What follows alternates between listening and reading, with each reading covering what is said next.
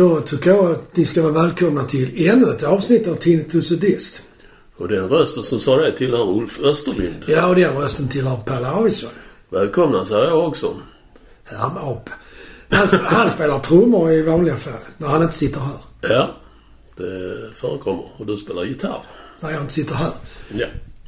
Sjunger lite också. Ja, men det är ju inte så mycket. Ja, sa han blygsamt. Nej, men jag höll på att säga det finns ju skäl till det. Så, så, så. Ja, förra avsnittet uh, snackade vi om sådana som band som dog och som kom igen och reste sig på nio. Och det tyckte vi var så lynt så vi vill gärna göra det en gång till. Ja, 70-talet som det då rörde sig om, det var ju så hår- en bra era för klassisk rock, får man ju Ja, säga. ja, oh ja. Många band blev skitstora, men många band, band fick också problem att ta sig vidare när Ja. både disco och punk slog till i slutet av 70-talet. ja, intresset för liksom arenarock, det, det försvann där på 80-talets början. Så var det nog lite faktiskt. Och sen ändrades väl också eh, branschens villkor på något sätt. Ja.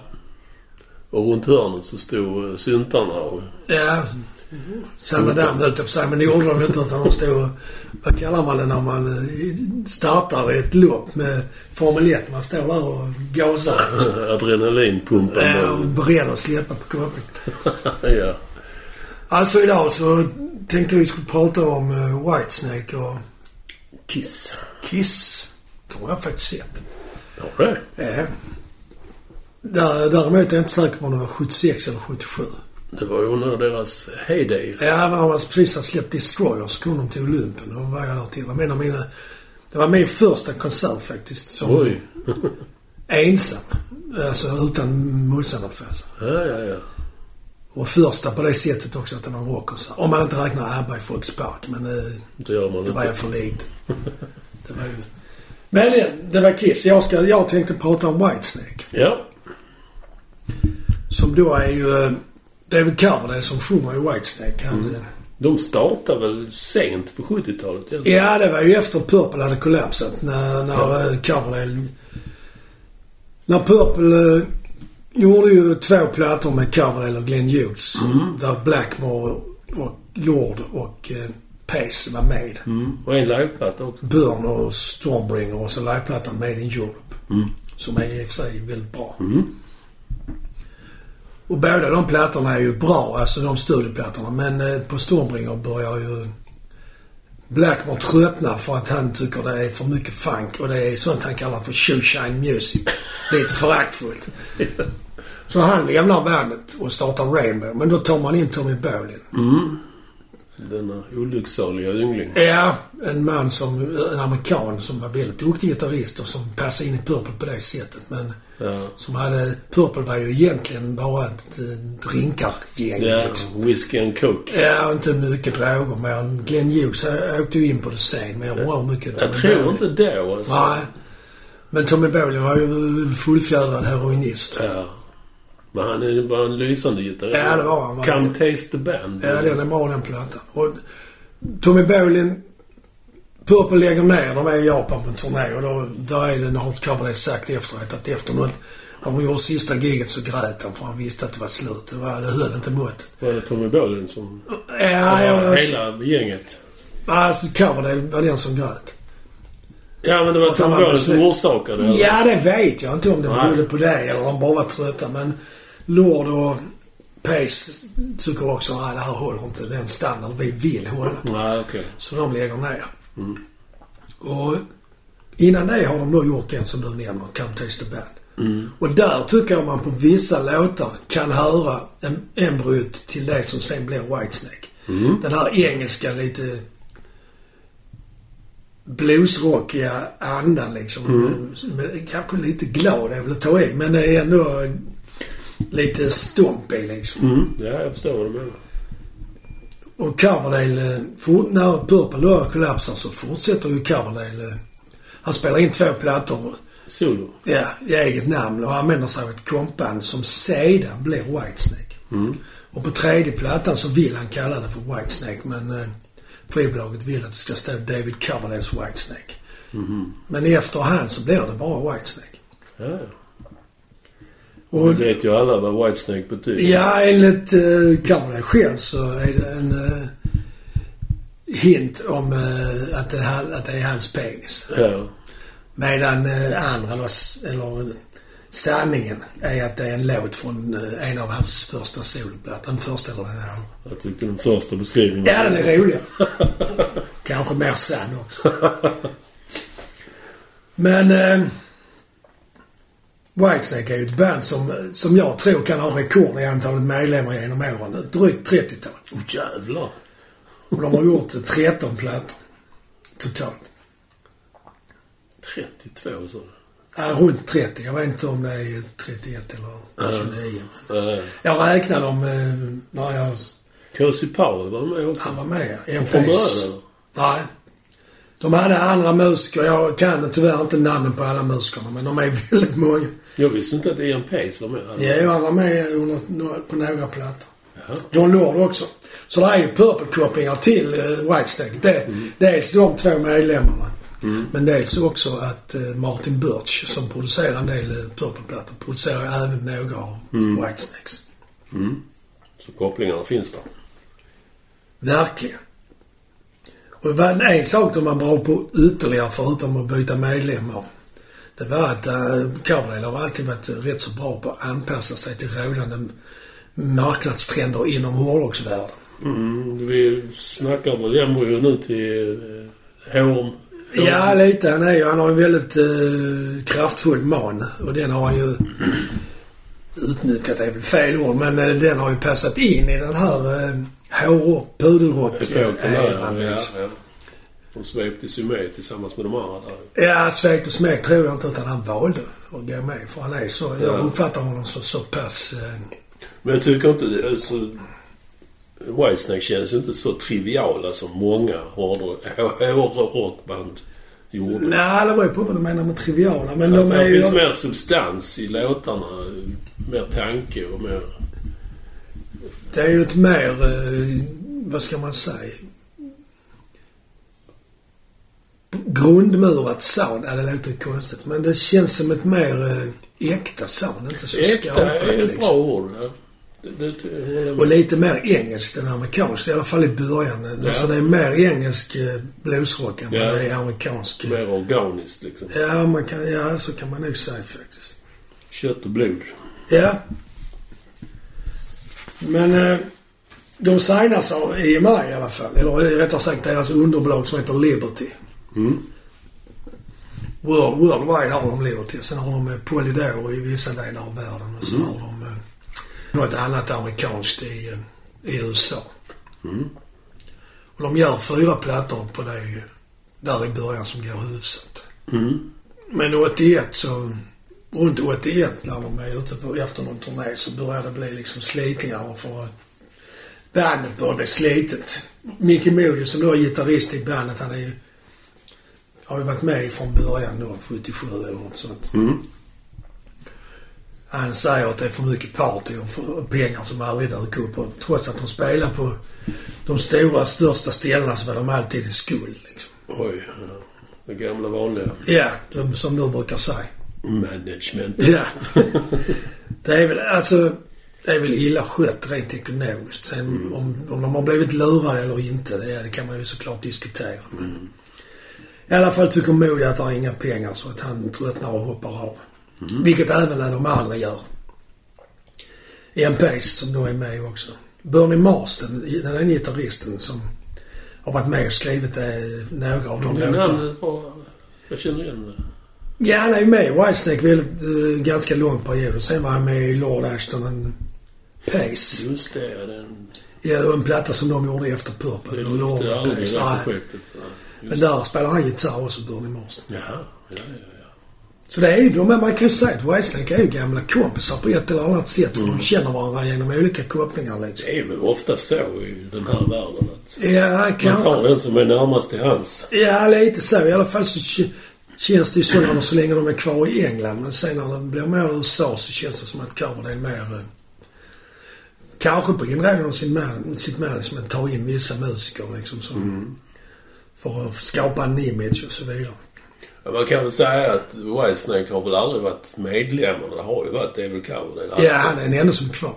Ja, dels det. Men alltså, det är ju hans det har aldrig varit intressant vem som spelar. I, Ja, jag tyckte det var kul när Pace och Lord var med. Ja, det är ja, bara ja, för att jag ja. gillar Purple. Jo, jo. Men, Men annars, nej. Cozy Powell är ju också en stor... Ja, det var också en sån koppling till Purple. För han spelade med Rainbow där Blackmore. Just det, det var han också. Ja. Ja. Ja, i alla fall de... eh, de Pace, Bernie Marston, Neil Murray, basisten. Mm. Och eh, John Lord. De får sparken. Eller slutar själv, vilket man vill. Det beror på vem man frågar. Nej, Lord får inte sparken för det. Han är den enda som blir kvar. Men det är efter viss övertalning. För han vill egentligen inte, men eh, Coverdale verkar vara bra på att prata om kullfolk så han stannar ett tag till i alla fall. Ja. Men sen gör man en, ett steg åt det som sen blir fullbordat. Att man, han skriver på för uh, Geffen i USA. Det är en management. Nej, det är ett skivbolag som bildas av David Geffen som heter Geffen Records. Jaha, ja, Men de samarbetar på något sätt med Warner Brothers. okej. Och där börjar liksom den, en försiktig omvandling kan man säga från engelsk bluesrock till mer amerikansk eh, hår och glamrock eller vad man ska kalla det. Och det märkliga med den rocken som kommer därifrån det är ju att den är, det är väldigt mycket gitarr i ljudbilden men det låter ändå poppigt. Mm. Håller du med om det? Ja, Eller jo, som jag absolut, ja. yrar. Det är därför jag aldrig köpte dem riktigt tror jag. Det, man saknar tyngden. Det är ingen botten i gitarrsoundet Nej, och så liksom. Det är uppblåst, lite plastigt och ja, poppigt ja, samtidigt. ja, ja. Och så försöker de se tuffa ut med sina hår och så. Man märker ändå att det är, som Percy Nihlgård säger, det är ett gäng välrakade bohemer. Som går ganska träffande faktiskt. Men så är ju, hela den hårrocken är ju lite så. Det är Ja, liksom det, det, det är huvudet på spiken. sminkade killar som försöker se eh, råa och tuffa ut. Men man märker ändå att läderjackorna är stylade och, Ja, och skäggen är vältrimmade. Liksom. Tittar man på eh, bilder från den, alltså studiobilder, så, så är det inte långt till dansbandens bilder liksom. I, i, i, i image liksom. Det är uppställningen. Så här kan vi då på ytterligare ett sidospår eh, passa på att rekommendera den fantastiska Facebook-sidan Swedish Dance Bands. Ja. Med foto från eh, svenska dansband.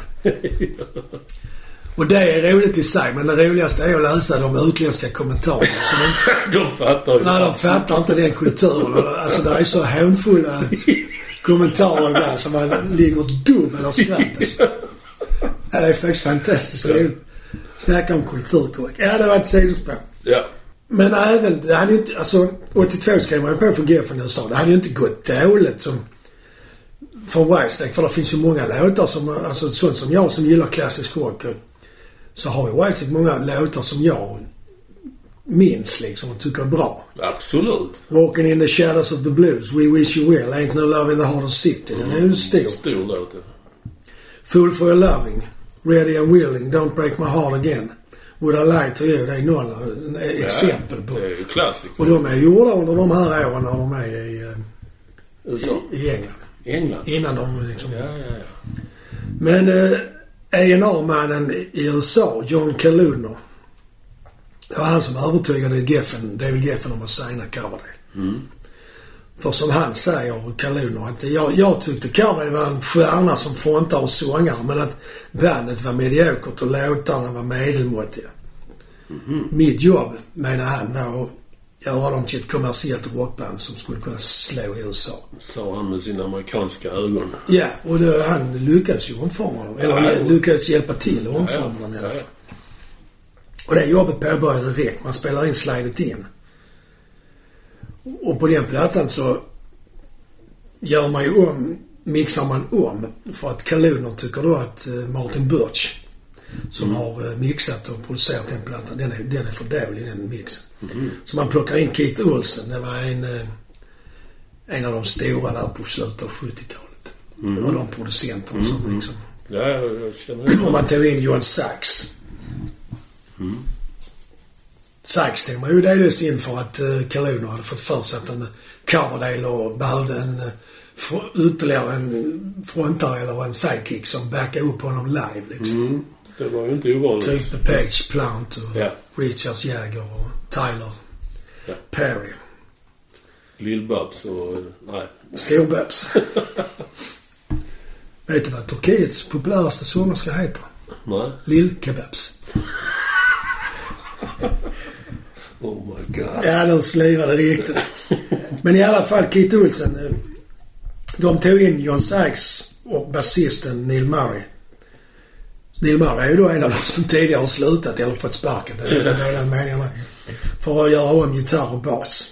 På de, Går i cykler. ja, på de låtar som redan var inspelade. Och den, den nya versionen av den plattan slidade in. Den brekar i USA. Så hyfsat. Whitesnake in. Ja, det är väl det de menar antagligen. Och då når de plats 40 på Billboard och säljer drygt 500 000 Oj. album. Ja. Fram till 1986 är detta räknat. Sen vet jag inte.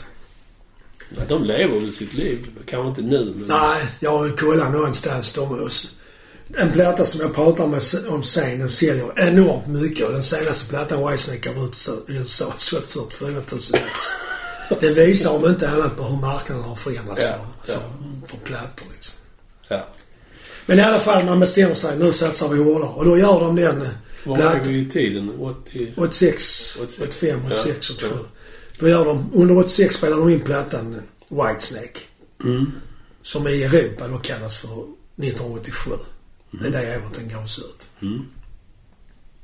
Och här gör de en, alltså där gör Carl en total satsning på USA. Mm. Han lyckas. Plattan säljer 8 miljoner ex. Jävlar. Det är ju det som jag sa, det är väldigt skillnad mot de här 44 000. Ja. Men eh, han, dels har han en bra låtar. Han har tagit två av sina gamla låtar och spelat in igen. Bland annat den där Here I Go Again. Just det. Som vi har spelat om Ja. minns. Bra låt. Den är bra ja. Och det är ju Bernie Marsden evigt tacksam för. För han var med och skrev den låten. Kaching. Precis. Så han lever ett gott liv och det kan man se på bilder om. Om man jämför hur han såg ut när han var 20 mot hur han ser ut nu när han... Så är det nog minst lika många kilos skillnad faktiskt. Han ser ut att ha ätit och gott och druckit gott om man säger så. Bara gåslever och champagne. Fast man tjock av champagne. Om man dricker tillräckligt mycket. Ja, kanske. kanske. Även här kommer man ju på att vi ska ju göra video såklart. Mm. Vi är ju i MTVs Ja, 80-tal. och han gör ju ett par videor här, bland annat på Here I Go Again. Där han... Klassiskt koncept. Fräcka bilar, bandet uppställt på en scen. Mm. Ju faktiskt, får man ju erkänna, skitbra ut på de, Ja. i de videorna. Ja, det gör Hårman, smal, snygg. Ja. Rör sig bra, star quality liksom. Ja. Plus en snygg kvinna Såklart. i videon som eh, sitter med honom i bilarna. Och den kvinnan blir senare hans fru. Ja. Hon heter Ton, Tony Kitain om jag uttalar det rätt. Men de är bara gifta i två år så jag vet inte. Någonting hände. Whitesnaken slokna. ja, jag vet. Eller lite andra jackmarker kanske. Antagligen. Men eh, det- som jag sa, han såg jävligt bra ut och det gillar ju såklart töserna. Och dit töserna går, Där kommer pågarna. ja. Så det är ju inte konstigt om han säljer då. En kul eh, grej med den här eh, Here I Go Again, det är att det finns en rad han sjunger. Like a hobo I was born to walk alone. I originalet, som är engelska original. Men det fick man ändra i USA för att de var rädda för att hobo skulle missuppfattas på radio till homo. Så de ändrade det till drifter istället. Like a drifter I was born to walk. Ah, detta moraliska. Ja, det är lite lustigt faktiskt. Och sen en annan konstig grej också, eller konstig, men det är lite märkligt, är att den låten finns alltså i oerhört många arrangemang utgivna alltså. Ja, det är märkligt. Ja, vissa börjar med det här syntpartiet och vissa går rakt på pumpe, pumpet som är liksom när han börjar första versen. Ja, ja. Det är väl, och olika gitarrsolo finns också i olika versioner. Jag vet inte om det har att göra med vilken marknad man vänder sig till. Eller, Eller vem som äger rättigheterna. ja, eller vem som spelar kanske. Jag vet inte om det är något sånt där. Men det finns många. Ja, märkligt är det. Men eh, de får ju även, eller män ska jag säga, de får även en hit med Is This Love. Det är också en lite halv medium tempo Mm. liksom. Ballad nästan. Ja. Och så gör de en Zeppelin inspirerad låt som heter Still of the Night och den är rätt så mycket Zeppelin. Framförallt Kashmir kanske. Mm. Men bara tänker. Zeppelin gör Zeppelin. Man kan kalla den hyllning men man kan också kalla den rip-off. Men den går bra den också. Jag väljer det sistnämnda. Och kanske, kanske är det så att, eh, kanske är det den låten som gör att Page får upp ögonen för honom. För sen, eh, något år därefter så gör de ju en platta ihop och åker på turné. Mhm. Page och Plan. Äh, inte Page och Plan, vad säger jag? Coverdale och Page. Det visste jag inte. Jo, det finns en platta. Det måste ju vara en match in heaven liksom. Ja, och de spelar lite Zeppelin- Zeppelin-låtar på den turnén i alla fall. Och Coverdale kan ju, alltså han kan ju pressa sig upp där i, i mm. Robert Plant-registret. På den tiden. Mm, ja. Mm. Nu har tyvärr Coverdales röst eh, Han kan knappt prata. Nej, han, har väldigt, han är väldigt hes faktiskt. Jag vet inte om han har sjungit sönder. Han har gjort en operation ju på, i halsen innan den här plattan 87. Eller om det var innan Slide It In. Eller ja, där någon gör en operation på halsen som gör att han inte kan sjunga på väldigt länge. Men det säger väl sig själv liksom om man står och gapar så i så många år att det kan inte få... Ian Gillan har också problem. Ja, men Gillan är ju smartare nu. Han försöker inte nå dit han för. Coverdale försöker ju ibland liksom. Och det, Ja. det låter ungefär som en kraxa som har blivit skjuten med hagel i röven.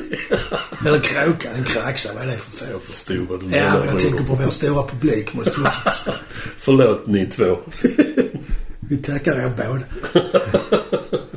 eh, men plattan går jättebra. 8 miljoner ligger tvåa på Billboard i 10 veckor. Och det är deras största. Och även här är det Kit Olsen som har eh, producerat och mixat. Ja. Jag gillar plattan och jag har den men jag får nog erkänna att jag tyckte gamla, gamla Whitesnake var roligare och var Ja. bättre. Det låg ju närmare Purple liksom. Ja. Men eh, på tal om rolig så är faktiskt Coverdale ganska rolig om man tittar på intervjuer med honom. Ja, det På nätet och så. Ja. Han har en viss humor som är Ja. ganska lys. Som faktiskt påminner lite om Robert Plant. Ja, Det självdistans. ja, ironiska. Ja, absolut. Och lite subtila skämt som man får tänka lite mer än... eh, Ja. Det är inte sån uh, gapflabbshumor. Ta inte rödbetan. Ja. Sammanfattningsvis eh, kan man nog säga att Coverdale han har inga skrupler när det gäller att ändra sin image och byta ut medlemmar, låtar eller fruar. Han har varit gift tre gånger förresten. Tre gånger. Och bor numera i USA. Turnerar han fortfarande? Nej, han var ju ute en sväng där innan, eh, innan 2020 när det blev, allting blev nedstängt i corona. Ja, så. Ja. Så han spelar ju live fortfarande. Det gör Det gör han, men... eh, Som sagt. Hans röst har ju börjat. Men han har ju faktiskt haft en karriär som man nog Ja. får säga är lysande. Jag tror, trots managementen så har det nog trillat in en och annan dollar på hans konto också. Ja, det tror jag. Det tror jag faktiskt verkligen. Mm. Och med det låter vi Ian Pace banka lite. Jävlar vad han larmar på med huvudinstrumentet. Ja. Och vad Ja. tänker då herr Arvidsson? Jo, han tänker hålla sig kvar i USA, i New York. Eh, Jag pratade i förra avsnittet om eh, Aerosmith. Och det finns ett annat band som har gjort ungefär samma, alltså tidsmässigt gjort samma resa. Liksom parallellt med Aerosmith. Minus två ton droger får man väl tillägga. För de var inte lika sugna på droger som Aerosmith var. Eh, Ja, vissa medlemmar är väl, har väl... Ja, jo det har ju förekommit. Men när jag tänker på Kiss numera så tänker jag framförallt på eh, Paul Stanley och Gene Simmons. Ja, det är ju de som är i Kiss. Ja, och de, jag tror inte de har sysslat med droger i någon större utsträckning. Man kan ju faktiskt ana att Gene Simmons har varit eh, sexa... Vad heter det? Sexaholic. Alltså Ja, jag vet vad du menar. sexberoende. Ja, jo det finns ju en del stories som är Ja. vidlyftiga. Ja, Lever med. Könsdetaljerna. ja, precis. Man kan ju säga så här att han använder ju tungan till mer än att prata. Det är en bra sammanfattning. Det är nog en bra säljgrej i de sammanhangen också. Alla vet det. Ja, ja. Kiss, eh, man kan väl säga att de eh, misslyckades med 80-talet. För de har ju alltid varit stora. Ja, men jag tycker också att de, eh, de förändrar sitt sound lite. I taget. Ja, det, Ja, och sen så byter de lite medlemmar som också gör att soundet förändras. Och de får in en kille som är rätt så bra låtskrivare. Som, men det kanske var 90-talet. Men han skriver en del, hjälper till att skriva en del låtar som blir hits. det är som... eh, Det är framförallt personligt för min del att jag tycker de har sålt ut liksom rätt tidigt på 80-talet. De har ju hoppat på varenda trend som kom liksom. Och sen det här också med sminket. Jag, vet inte, jag tror jag tyckte det var kul i början. Ja, jag, alltså nej. Då var jag ju... När slog de igenom? Gjorde första plattan 74? Något sånt, 73. Eh, 73 ja. Då var jag 12 år. Då tycker man sånt är roligt. Ja, det, det är det. Jag är för gammal för det. Jag var alltså den generationen som är din och 5-10 år yngre. De Ja, jag tror faktiskt mer av de som är Ja, för de gjorde 10 år ju... Det blev ju en nytändning när de eh, flörtade med discon i början på 80-talet. Jag var inte det 70? Ja, det var kanske slutet på 70 Vi kan vara eniga om låten I was made for loving. Exakt, Eh, ja. Och då, och då hade de fortfarande kostymerna och det gick ju rakt in i hjärtat på alla tweenies. Ja. 10 till 15-åringar. Jag känner en del folk som älskar Kiss och de kom i den vevan där på 80-talet tror jag. De är i alla fall i den åldern. Ja. Så de kan inte ha hört dem på 70-talet. Nej, Det upptäckte de. Jag tror de har upptäckt deras plattor och köpt dem. Ja, det har de säkert gjort. Och de, eh, det är ju det som är min epok egentligen. Den här eh, liveskivan de släppte. Det blev deras stora... Kiss. Alive. Kiss Alive. Ja. Men de hade gjort tre eller fyra plattor innan. Hade Ja, två tror jag. Ja, alltså den liveskivan för min del, det var trots deras eh, serietidningsimage. Man fattade liksom, fan jag var ju 18-20 år då. Och man tyckte det, hallå. Men sen hörde man skivan och liksom, hallå. Det är en del eh, material på den som är bra, som är bättre än studio tycker jag. Ja, helt klart. Ja, för när jag tänker tillbaka på det nu så... Jag upptäckte dem tror jag med Hotter than Hell-plattan. Mm. Och sen den då, Kiss Alive. Och de låtar som är samma där i... De låter lite... Det är mer flow i det på liveplattan än vad det är i Ja, det är studion. det. För klart. jag, jag gillar ju Deep Purple redan då och då. Mm. Jämför man nu så som man gör när man kan göra när man är vuxen så har ju, är ju Kiss oerhört kantiga. Ja, ja, absolut. Det är ju inget flow och sväng i musiken nästan. Nej, det är det ju inte på samma vis som man gör för det så. Men, men de har väldigt starka låtar där. Ja, en del låtar är väldigt bra. Mm. Eller väldigt bra. De är bra. Och det är ju många med dig som tycker att deras musik är simpel och utan finesser. Men Sa jag inte. Jag sa att det var kantigt. Och då menar jag spelet. Ja, ja, ja. Musiker har de ju aldrig varit. Yxet kanske är. Ja, ja. Det kan man... Det håller jag med om. Men det är ofta det enklaste som är det svåraste Ja. att spela. Det Hörde jag någon viska ACDC? Ja, det var jag. Ja, de börjar i alla fall blygsamt och utan smink. Och lite olika bandnamn och medlemsbyten. Och den klassiska sättningen eh, kom ju inte förrän 73. Det är alltså de två på Stanley Gene Simmons, Ace Frehley och Peter Criss. Man gjorde sin debut på någonting som heter Popcorn Club i New York. De hade en eh, rysligt stor publikskara på tre personer. De hade en cool grej för sig. Det vet jag inte om du tänkte komma till. Men att de hade någon kompis tror jag som körde från limousinfirma. Så de brukar göra, be honom köra. Alltså, De sminkade sig färdigt, gick ut baksidan så kom han och hämtade dem med den stora limousinen och körde dem till stora ingången. Och så gick de in där. Ja, det är det. Imagen är allt. Bygga varumärken. ja, visst. Men de spelade in en demo där i den eh, vevan, 73. Och med hjälp av den så fick man förbandsgig till Blå Österkallt. Det är ett bra band. Det är dina favoriter där. Nu- Nyårsafton 73 var det. Smink och eldsprutning hade nu smugit sig in i showen. Ja, ja. Fast uh, Gene Simmons hade, han hade nog inte full koll på det här med att spruta el för han satte fyr på sitt hår. Det hade Michael Jackson. ja. Och de började turnera och uh, släpptes fram i amerikansk TV rätt mycket. Men uh, det hjälpte. Alltså skivförsäljningen ville inte ta fart.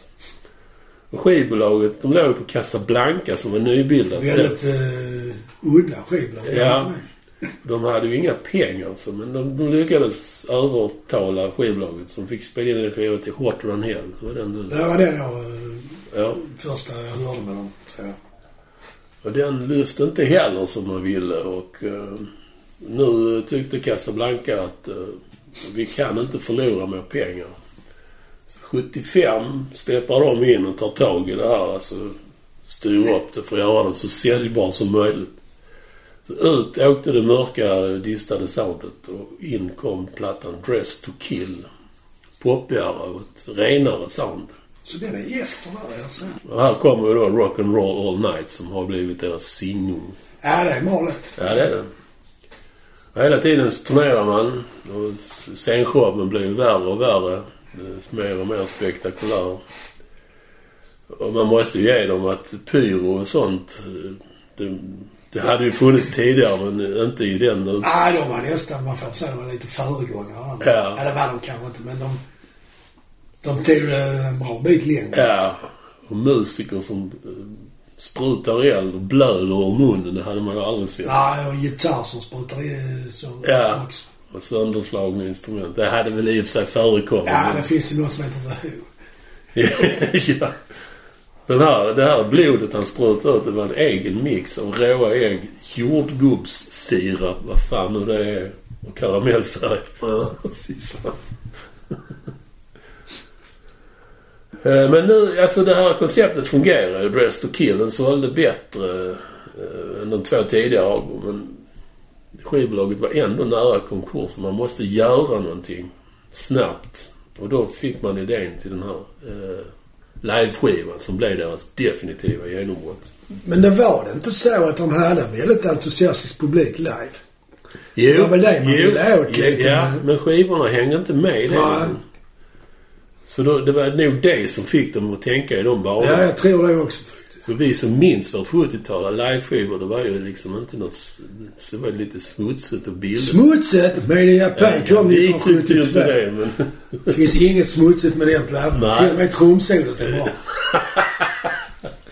Nej, men till och med Deep Purple var ju tveksamma att ge ut. Ja, de ville inte själv Nej. från början tror jag. Så det var ju inte, stod ju inte högt i kurs som man säger det med liveskivor.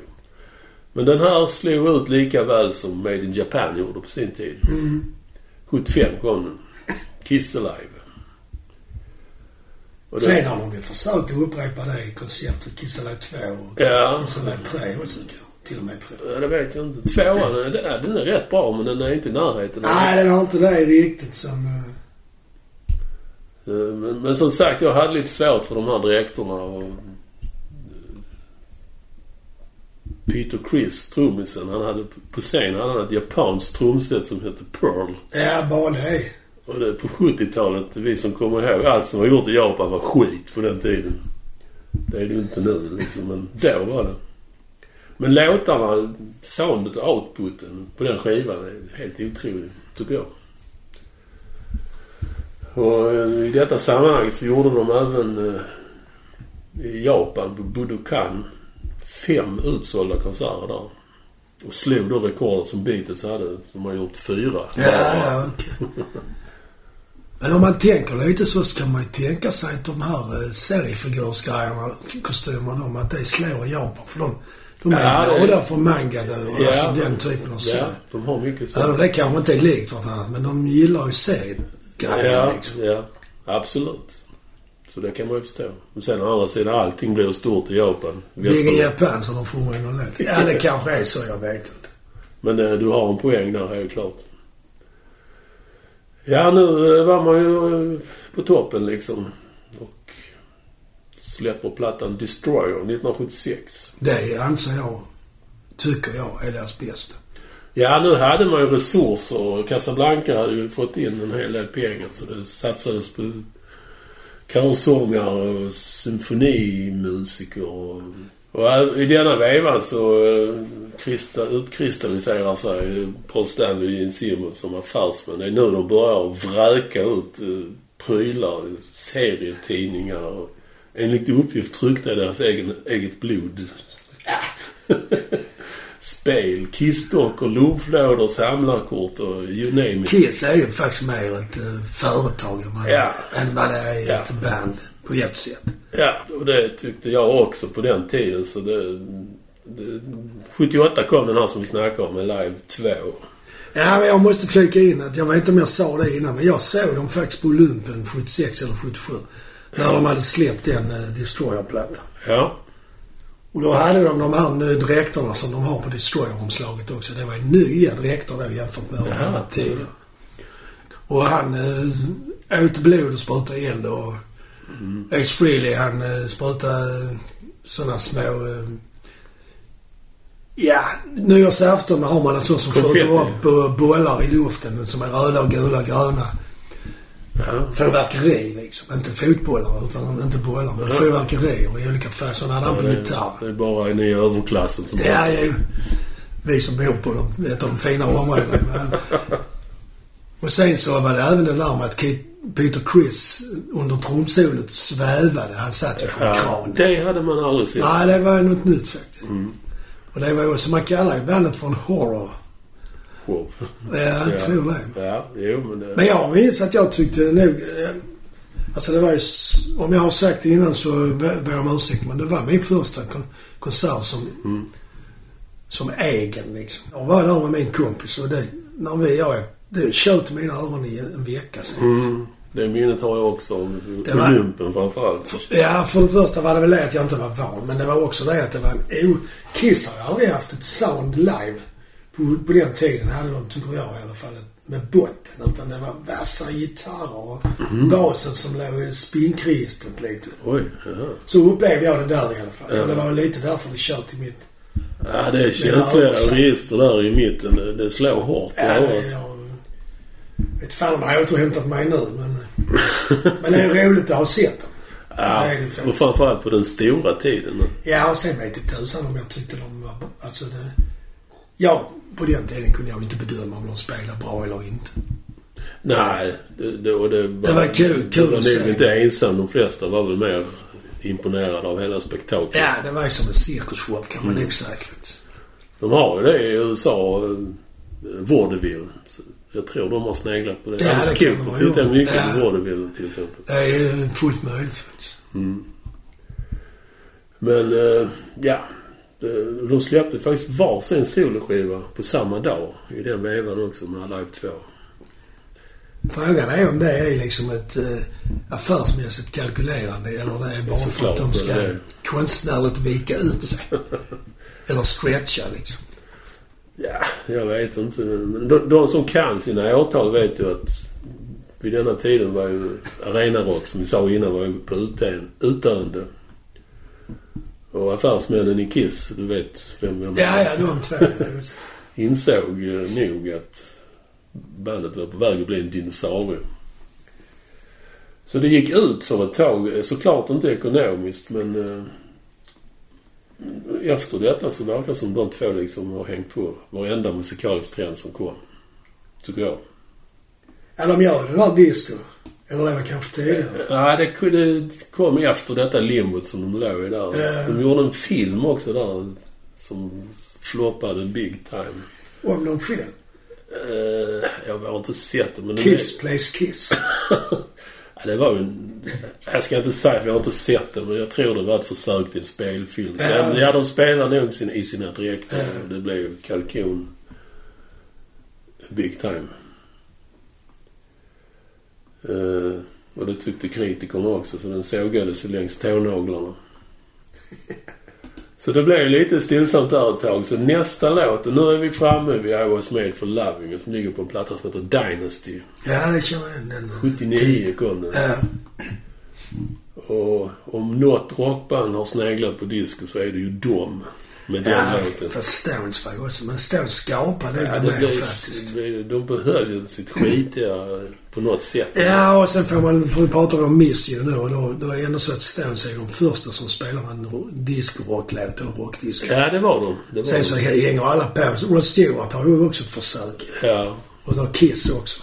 Och flera därtill liksom. Så det, det är ju därför vi gör det här programmet. Den, den tiden var ju tassemarker för... Vad fan ska vi ta vägen nu? Ja, vi måste liksom... Vi, let's try it. ja.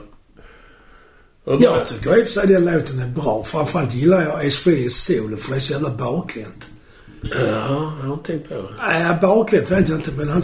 Jo, jag uppfattade det så när jag hörde att... Men det, det är ett coolt solo men låten är ju lite... Ja, för min del så stängde jag Plast. bestämt där. All rockrädd hade försvunnit Personal. stängdes och öppnades aldrig igen. Alltså. Men de åkte i alla fall på turné på den skivan. Eh, Det är ju sen gammalt. Det gör man ju. Ja, ja. Klassiskt trick. Och de presenterade den som Kiss återkomst. Men det hade ju hänt saker på de här åren. Skarorna hade ju gått ner betydligt i antal. Och framförallt, och nu kommer vi in på det som vi snackade om innan. Man hade gått ner i ålder i publiken. Det var mycket föräldrar med sina barn och så. Gärna utklädda till Kiss. Riktigt som pajas-cirkus liksom. Hur känns det om man är 30 år och spelar för en publik som är 12? Ja. Det, Och så, så har man då ju försökt att skapa det man själv uppfattar som äkta och riktig Ja, ja. musik. Ja. Och det hände ju också med bandet. eh, Inte med de två frontarna. För de var ju helt säkra på att det är The Mighty Dollar som bestämmer. Äh, Man börjar byta ut folk till höger och vänster. Och bandets trovärdighet börjar ju ifrågasättas på riktigt nu. Men uh, Gene Simmons, affärsmannen, han viftar ju bort allt detta och menar att Kiss kan köpa Idaho vilken dag som helst och gå i pension. Som var hans, hans svar på kritiken. ja, man har ju rätt ur ett perspektiv. Men om man tänker på ur konstnärligt så, ja, jag vet inte. Nej, jag tror inte de bryr sig om det överhuvudtaget. Har kanske aldrig gjort. Nej, men de vill väl inte skapa musik som de själva uppfattar som skit. Fan alltså. Nej, alltså det är svårt. Det var mer en retorisk fråga. Ja, du, du, alltså på 80-talet så var de faktiskt inne på grunge i USA också. Men där tycker jag ändå de reser sig lite på... Med den här... Um, rock and roll was made någonting. Det är en I cover. was made for rock and roll. Nej, det är inte den. Du, du, du, du, du, du, du. Vad fan heter den? Ja, det vet jag inte. Det är en cover som de får en hit med. och Så det, Låttitlar är inte min nej, inte min heller. Men eh, ja, som jag sa, grunge var de inne på. Men det, jag tror aldrig det släpptes någonting med det. För de blev erbjudna, vi är nu inne på 90-talet. De blev erbjudna 100 miljoner för att sätta på sig masker. Ja, de hade tagit av sig maskerna där. Det är ju också ett sånt karriärlag som de nog gjorde för. Eller sellouts-trick Ja. som jag tycker att det var. Ja, det var dit jag skulle komma. men- Ja, ja. och sätta på sig dem igen är ju ytterligare ett sätt. Ja, visst. De är ju... Det är som du sa, det är, det är businessmän liksom. Ja. Jag såg ett uh, lynt uh, YouTube-klipp från vad jag tror är en amerikansk talkshow. Där uh, Paul Stanley är gäst. Man skulle spela Detroit Rock City. Den är på den plattan som jag gillar. Ett Bra låt. Destroyer. Ja, det, men där är många bra låtar. Den är lite poppigare faktiskt, den plattan. Strutter och Juice. Ja, de är inte med där. Nej, jag tänker på liveplattan. Ja, jag tänkte på den Destroyer-plattan. Ja, okej. Ja, I alla fall så husbandet eh, skulle ju kompa då och allt var frid och fröjd ända fram till sticket tror jag det är. Och då, här har Kiss pulat in en omotiverad och helt ologisk figur i riffet som det, det liksom gör en knorr och tar en konstig vändning där. Ja, och- Subtilt. Man märker det. Om man inte rålyssnar på originalet så märker man det knappt. Och antagligen så har husbandet eh, snabbt torrrepat låten i logen i- innan sändning. Och så har missat den här subtila filuren. Eller ignorerat den kanske och hoppas att ja, det vi bara kör igenom. Men eh, det blir ju ett fullfjädrat... Vi kan väl lägga ut den på hemsidan? ja, men det ska vi göra. Det är ett fullfjädrat magplask och man ser Paul Stanley. Har man aldrig sett onda ögat för så när han vänder sig om till band. Vad fan håller ni på med? Men de reder ju ut det ändå va. Men det är ju ett magplask helt klart. Men vad är det som händer? Är det någon takt extra eller det är en figur Ja, som gör att det blir en takt extra? Jag har inte analyserat det men det, det, det är någon vändning i takten. Förmodar jag. Ja, okej. För det liksom hoppar till va. Där är det där att det man tror Är är enkelt. Det är inte alltid så enkelt. Det låter enkelt men det behöver inte vara det. Nej, nej. Men, men. Med facit i hand så... De har ju faktiskt hållit sig i rampljuset nästan 50 år. Ja, ja, de är ju fortfarande... De turnerar ju för några år sedan. Ja, men hans röst är ju också helt slut på Stanley. Ja, men det märkliga är här att han har ett soulband. Det kan man hitta på? YouTube. Visste jag inte. Paul Stanley. eh, Och då spelar han gamla soul-låtar. Och då låter det inte alls... Jaså? Det är, eh, då låter rösten inte lika illa. Jaha. Men det kan ju vara att de, eh, det jag har hittat är äldre än vad det är, Ja. än bara ett par år. Jag vet faktiskt inte. Soulman? Men det är ganska bra. Men det är ju ett stort band så det döljs ju mycket. Han gör ju inte, bär ju inte allt om man säger så. det är mycket groove och... Ja, och många körtjejer och Ja, ja. många instrument. Så det försvinner i den allmänna sörjan om man kan uttrycka sig. Men det låter inte dåligt. Det gör det absolut inte. Nej, nej, får jag kolla in.